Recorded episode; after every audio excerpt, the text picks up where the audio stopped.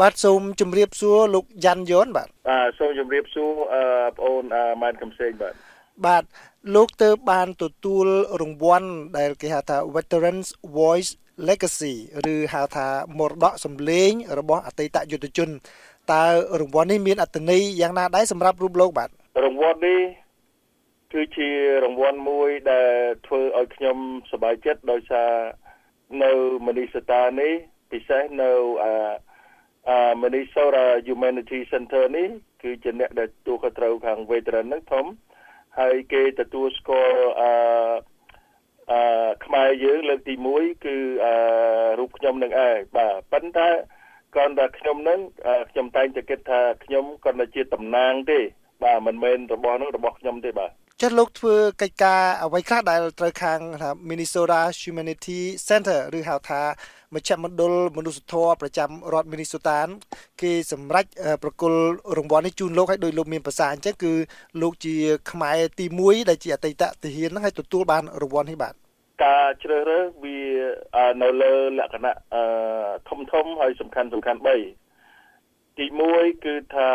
គេជ្រើសរើស ទាហាននៅក្នុងរបបសាធារណរដ្ឋចំនួនលោកលន់ណុលបាទហើយទាហាននោះគឺថាមានអអាចធ្លាប់ធ្វើការជាមួយនឹងអអពួកអទាហានអកៀងបាទទី1ហើយទី2គឺថាអ្នកនោះគឺថាបានអធ្វើការយ៉ាងច្រើនសន្ធឹកសន្ធាប់ ដើម្បីជួយខ្មែរយើងនៅទីនេះបាទហើយទី3គឺថាការសិក្សាអប់រំដែលមានកម្រិតខ្ពស់គួរសមដែលជាគុណសម្បត្តិទី3បាទបាទសូមអរគុណមើលគឺគុណសម្បត្តិទាំង3នេះគឺបាទមានលក្ខណៈប្រពៃសម្រាប់រូបលោកក្នុងការទទួលបានរង្វាន់នេះលោកយ៉នធ្លាប់ធ្វើជាទាហានរបស់របប យោធាលន់នល់ដោយលោកមានប្រសាសន៍នៅក្នុងលក្ខណៈទី1នៃលក្ខណៈវិនិច្ឆ័យហើយធ្វើការជាមួយនឹងទាហានសហរដ្ឋអាមេរិកបើយើងមើលប្រវត្តិសាស្ត្រវិញសហរដ្ឋអាមេរិកបានទម្លាក់គ្រាប់បែកចំនួន2លាន7សែនតោនដាក់ប្រទេសកម្ពុជា ហើយនៅពេលនេះលោកទទួលបានរង្វាន់ក្នុងនាមជាអតីតយុទ្ធជនសម័យសង្គ្រាមនោះបូករួមជាមួយនឹងការងារមនុស្សធម៌នាពេលប្រហែលឆ្នាំដែលលោកធ្វើមកនេះតើវាមានការប៉ះពាល់ដល់អារម្មណ៍របស់លោកទេដែលមាតុភូមិរបស់លោករងគ្រោះដោយសារប្រទេសមួយដែលលោកកំពុងស្នាក់នៅនេះបាទអឺបាទអឺតាមការពិតទៅយើងដឹងថាបើនិយាយពីការទម្លាក់ក្របបែកវិញគឺថាវាមានចំនួនច្រើនលើសលប់ដល់ទឹកដីរបស់យើង បាទអានឹងគឺខ្ញុំជឿថាជាកំហុសមួយដែលសហរដ្ឋអាមេរិកមានតែចំណុចមួយទៀតល្អត្រង់ថាសហរដ្ឋអាមេរិកបានទទួលយកខ្មែរមិនតិចជាងប្រហែលជាមកទល់ឥឡូវខ្ញុំជឿថា3សែនកន្លះហើយដែលមករស់នៅលើទឹកដីរបស់សហរដ្ឋអាមេរិកដែលមានការងារប្រកបរបរគេមិនរើសអើងជាមួយនឹងយើងហើយយើងបានបន្តការសិក្សាអប់រំចំកូនចំចៅអីបានសុខស្រួល ដូច្នេះនេះជារឿង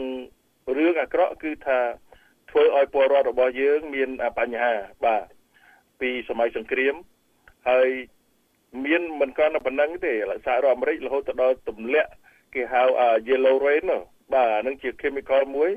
ដែលធ្វើឲ្យស្បែករលួយវាធ្វើឲ្យមាន cancer ទៀតបាទតែខ្ញុំគិតថារឿងហ្នឹងវាបានកន្លងហួសទៅហើយខ្ញុំទុកវាមួយលើចុះ តែខ្ញុំគិតពីរឿងអឺស្អីដែលសហរដ្ឋអាមេរិកកំពុងតែធ្វើដល់ពលរដ្ឋខ្មែរនៅសហរដ្ឋអាមេរិកនេះហើយនឹងអឺបាទអានឹងវាមានអឺវាមានវាមានតម្បៅពីមុនដែរតែហាក់បីដូចជាអឺយើងយូរទៅជួនកាលទៀតយើងអាចអឺនៅអាចវាវាមានតម្បៅនឹងនៅស្នាមតែវាក៏ជារឿងល្អមួយដែរបាទ ចុះដល់ឡែកអតីតយុទ្ធជនដោយលោកអញ្ចឹងដែលសហរដ្ឋអាមេរិកទទួលមកស្នាក់នៅសហរដ្ឋអាមេរិកឬក៏ដោយឡែកសម្រាប់តែរដ្ឋ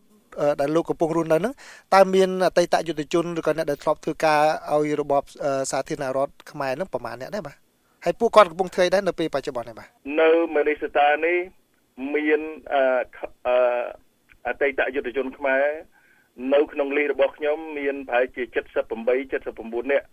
តែខ្ញុំជឿថាមានលើសពីនឹងដោយសារអ្នកទាំងនោះរស់ឆ្ងាយពីទីក្រុងគេហៅ Twin Series ហ្នឹងដែលខ្ញុំមិនអាចដឹងខ្ញុំដឹងតែអ្នកដែលមកចូលអឺសុំសេវាកម្មពីយើង គឺតែមានចំនួនមួយឆ្នាំប្រហែលជា78ទៅ79នាក់បាទហើយអ្នកទាំងនោះគឺថាភាគច្រើនអាយុនឹងច្រើនហើយបាទអាយុច្រើនអ្នកភាគច្រើនសឹងតែទាំងអស់ហ្នឹង បានចូលនិវត្តន៍ហើយបាទតែអឺចិត្តគំនិតរបស់គាត់នៅតែនឹកឃើញនៅអ្វីដែលកើតដល់ពួកគាត់អឺអ្នកខ្លះមិនអ្នកខ្លះឲ្យភាកច្រើនមានបញ្ហាដែលគេហៅថា mental mental health បាទបាទមានច្រើននៅក្នុងចំណោមទាហាននឹងបាទបាទសូមអរគុណលោកយ៉នច្រើនខ្ញុំដឹងថានៅខាងរដ្ឋ Minnesota ហ្នឹងគឺ ខាងសភាប្រចាំរដ្ឋបានទទួលស្គាល់ជាផ្លូវការតាមរយៈសេចក្តីសម្រេចមួយហ្នឹងអឺរបស់រដ្ឋមីនីសូតាទទួលស្គាល់ការចូលរួមចំណែករបស់អតីតយុទ្ធជនទាំងអស់នោះបាទពួកខ្ញុំបានសរសេរសេចក្តីរាយការណ៍ពាក់ព័ន្ធនឹងរឿងនោះដែរក៏ប៉ុន្តែ ឈានមកដល់ការសុំឲ្យទទួលស្គាល់នៅថ្នាក់ជាតិខ្ញុំឃើញមានអតីតមេបញ្ជាការទាហានក្នុងសម័យសង្គ្រាមវៀតណាមនឹងដែលជាជនជាតិអាមេរិកាំងនឹងកំពុងតែព្យាយាមសុំរដ្ឋសភាជាតិនឹងឲ្យទទួលស្គាល់ប៉ុន្តែនៅមិនទាន់បានទេតើដូច្នេះតើខាងអតីតយុទ្ធជននឹងអស់លោកនឹងមានអារម្មណ៍យ៉ាងណាដែរដែលត្រូវទទួលរងចាំយ៉ាងយូរយ៉ាងនេះបាទខ្ញុំទើបតែបានជួបអ្នក អតីតយុទ្ធជននៅវត្តប្រហែលជា6 7នាក់ដែលបានចូលរួមធ្វើបុណ្យជាមួយគ្នានឹងអឺគាត់ក៏សួររឿងនឹងដែរហើយខ្ញុំថាមកទល់នឹងពេលនេះអឺខ្ញុំមិនមានចម្លើយទេប៉ុន្តែអឺខ្ញុំនឹងជួយតាមមធ្យោបាយដែលខ្ញុំមាន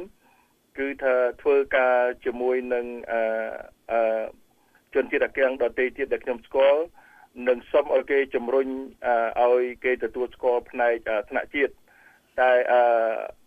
ខ្ញុំគិតថាវាអាចប្រើពេលយូរជាងនេះបាទដូចគ្នានឹងដែរគឺកាលពីចាប់ដើមតាំងពីថ្ងៃអាទិត្យមកគឺអាទិត្យទី17ខែកញ្ញាហ្នឹងខាងទូរទស្សន៍ PBS គឺជាទូរទស្សន៍ដែលល្បីធំនៅក្នុងសហរដ្ឋអាមេរិកនេះបានផលិតនិងចេញផ្សាយជាលើកដំបូងនៅភាពយន្ត ឯកសារតាក់ទងជាមួយនឹងសង្គ្រាមវៀតណាមគឺមានទៅរហូតដល់10ភាគហើយមាន18ម៉ោងអឺប៉ុន្តែនៅក្នុងនោះគឺมันបាននិយាយរៀបរាប់ទៅដល់ការចូលរួមចំណែករបស់ទាហានខ្មែរដែលធ្វើការជាមួយនឹងទាហានអាមេរិកកាំងទេអឺ